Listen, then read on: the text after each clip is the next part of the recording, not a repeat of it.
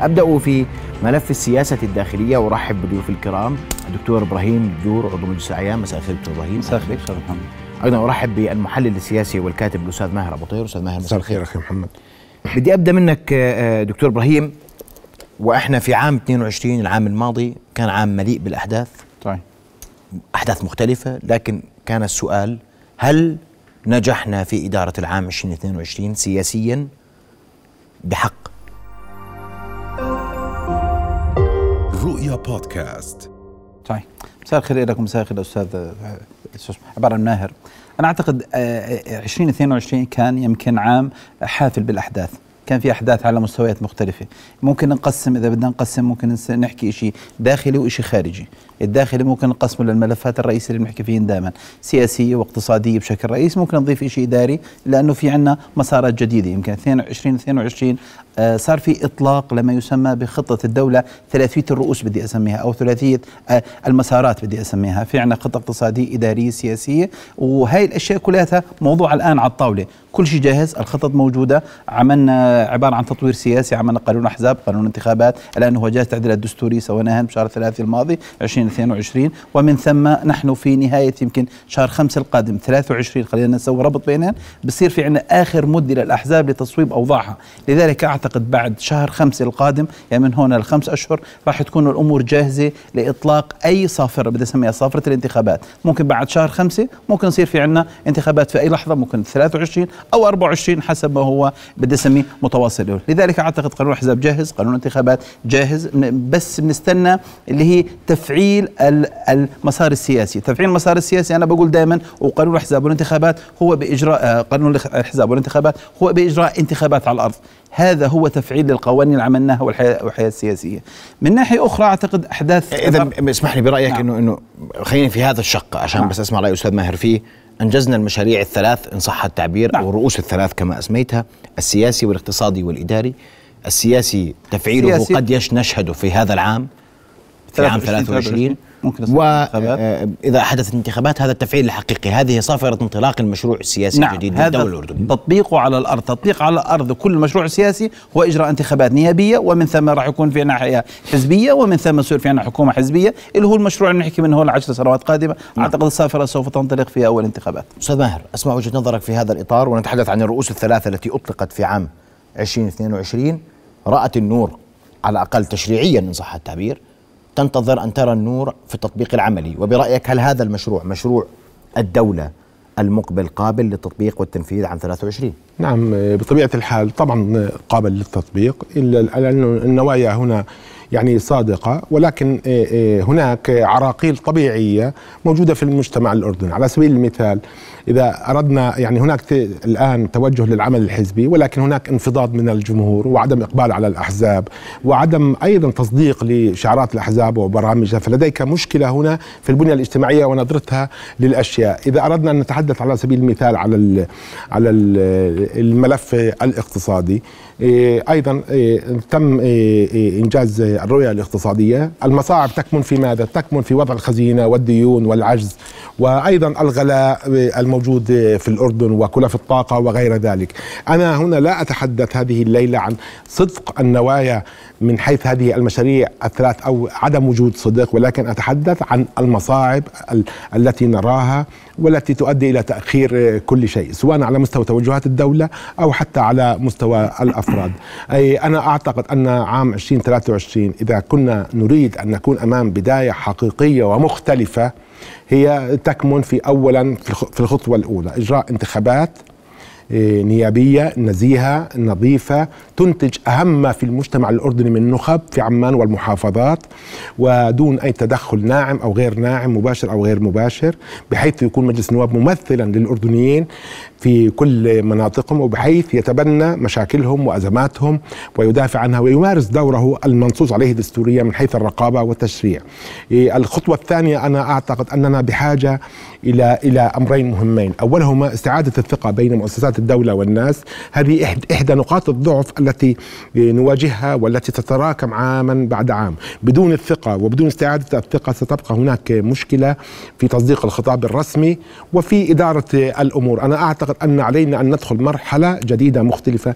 نستعيد ثقة الناس إيه، تتم ممارسة العدالة في الإجراءات وفي القرارات إيه، أن تكون هناك لدينا خطة تنمية اقتصادية إيه، يعني إيه، إيه، بس اسمح لي اسمح لي خطة. إذا سمحت لي تنمية اقتصادية يعني تترك أثارها الإيجابية على كل مكان في المملكة. أيضا فكرة تشكيل الحكومات يجب أن تخضع لتغيير جذري من حيث ماهية الحكومة وماذا تعني وهل تقوم على المحاصصة أم- أم على الكفاءة وهل هناك خطة للحكومة الموجودة أم أنها تعمل بشكل يومي. دون هذه التغيرات الجذرية في هذه الملفات الأساسية سننتج عاما متشابها كالأعوام السابقة من العام المقبل أو عام 2023 بس في, في موضوع استعادة الثقة. نعم. لأنه اليوم كل مؤسسات الدولة تعاني من أزمة ثقة مع الشارع. ليس مؤسسة واحدة. صحيح؟ صحيح هذا الكلام نعم. طيب بدقيقتين. هل هناك طريقة واضحة خطة طريق واضحة كيف تستعيد الدولة ثقة؟ طبعا طبعا. إحنا حذر حذر كثيرون في الأردن بالمناسبة من كل الطبقات سياسية وأكاديمية وحتى على المستوى الاجتماعي من من انقطاع الحبل السري بين الناس.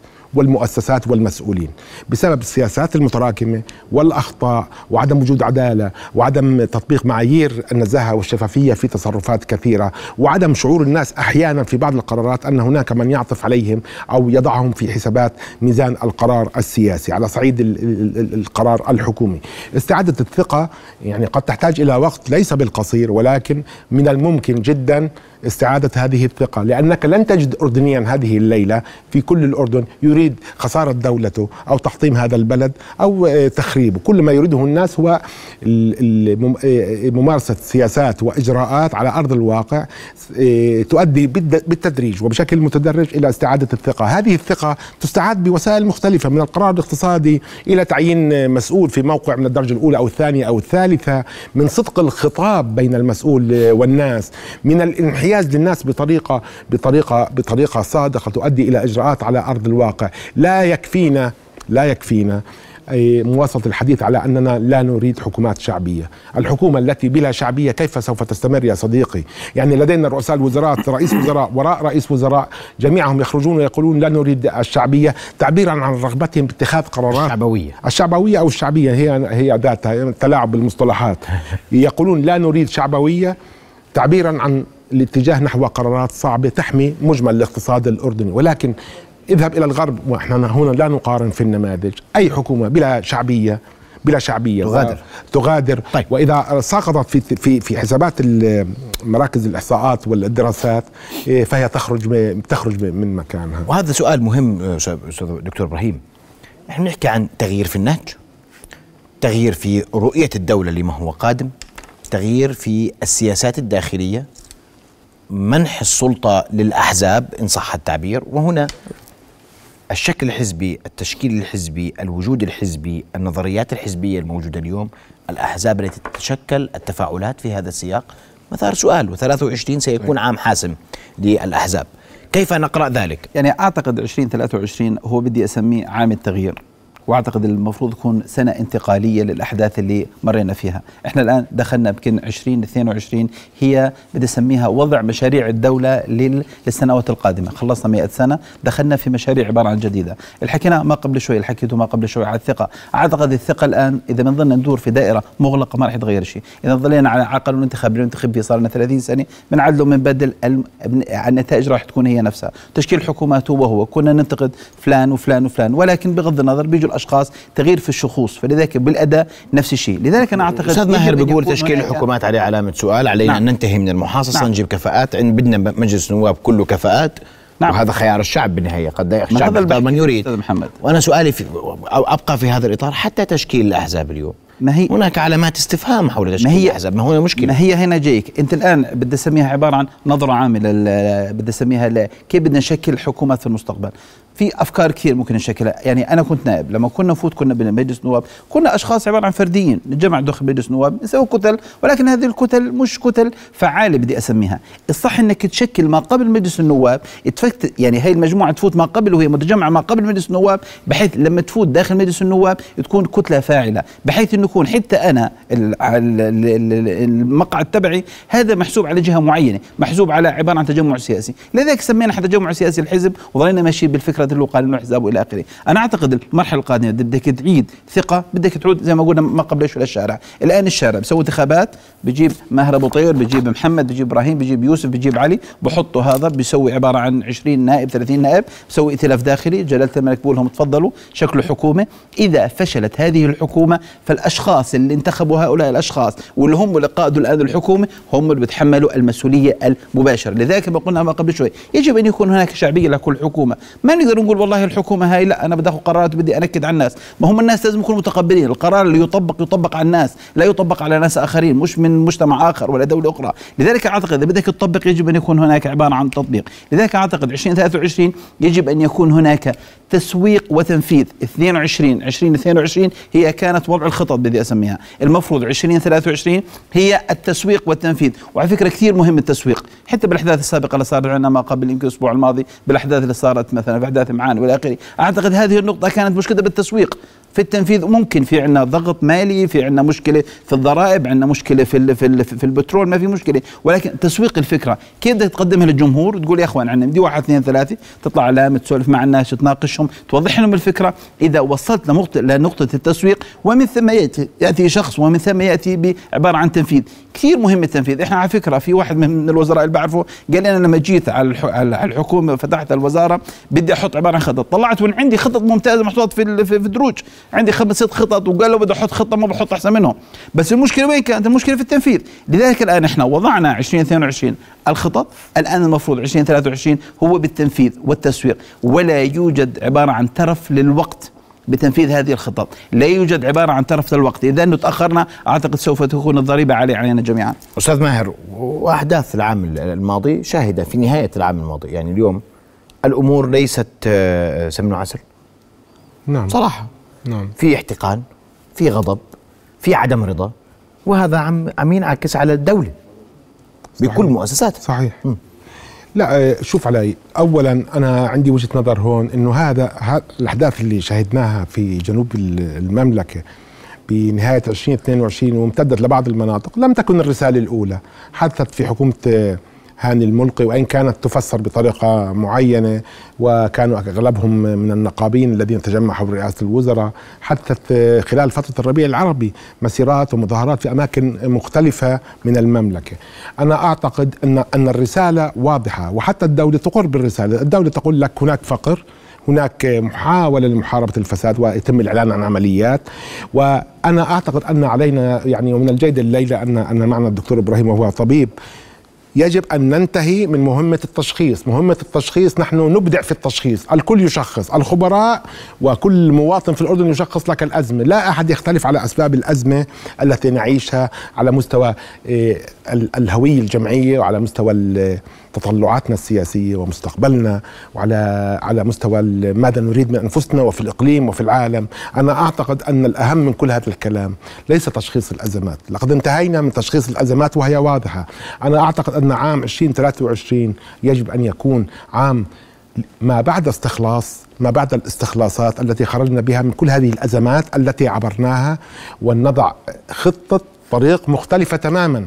يشارك بها الناس ويشعر بأثارها الناس بالذات على المستوى الاقتصادي وأيضا على مستوى مشاعر الناس بأن هناك دولة ترعاهم كما يجب وتتطلع إلى مناطقهم. أنت لا تتحدث عن مكان واحد في, في الأردن مثل هذه الحلقة الآن. يشاهدها أناس في المحافظات في البوادي مخيمات قرى مدن.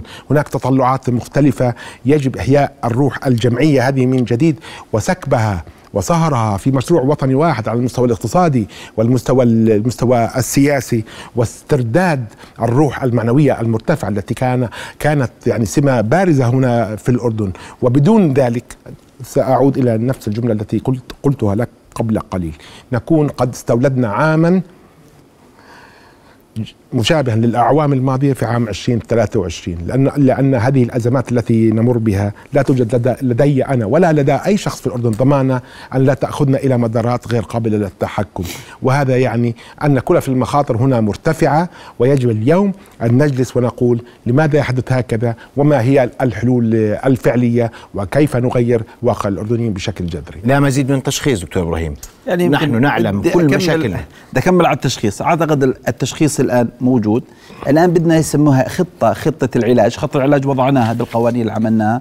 الآن بحاجة إلى جراح وبحاجة لتنفيذ أكون معك صريح. بحاجة لجراح وبحاجة ل آه، عبارة عن طاقم حواليه ممرضين وفنيين وتخدير وغرفة عملية لإجراء عملية مباشرة واستخلاص المشكلة الرئيسية اللي بنعاني منها. أعتقد التشخيص سويناه. الخطة العلاجية إحنا المفروض نشتغل عليها. الآن المطلوب هو التنفيذ. ولكن لازم تشرح للأهل كمان. لازم تشرح قبل العملية تروح للأهل تروح للناس وتقول لهم يا إخوان أنا بدي أعمل. واحد اثنين ثلاثة.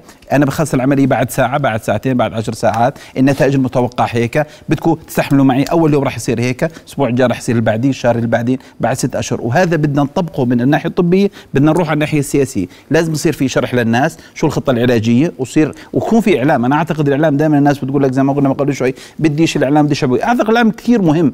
إنجاز بدون إعلام ما له قيمة. آسف. يمكن أقعد في الغرفة وب- وبدك تخترع أفضل شيء. إذا ما شرحته للناس كثير مشكلة. والناس لازم يكونوا واعيين معك لازم تشرح الناس تقول لهم أنا هي نبع بداية السنة بدي أعمل هيك عشار ثلاثة أنا حطيت واحد اثنين ثلاثة عشار ستة بدي أعمل كذا عشار كذا على نهايه العام لازم. وإذا كان في خلل لازم تصلح قديش الإنجاز؟ إذا ما في إنجاز عذرا بيجي جراح ثاني بيكمل عمليته. لذلك أنا أعتقد يجب أن يكون هناك رسالة واضحة لمن سوف ينفذ. يجب أن يكون هناك تنفيذ ويجب أن يكون هناك ربط بتوقيت مش خلينا ماشيين بسنة سنتين خمسة عشر. بدقيقة أستاذ ماهر متفائل ب 23 والله متفائل بشرط إنه نكون تعلمنا من كل ما مضى من أزماتنا الداخلية وأيضا في ظل أزمات جوار. يعني الجوار كله يحترق من حولنا وأزمات الإقليم والعالم. نحن أمام مسرب إجباري أن نخرج بالاستخلاصات وندخل مرحلة جديدة وليس أمامنا من خيارات سوى هذا الخيار. نعم.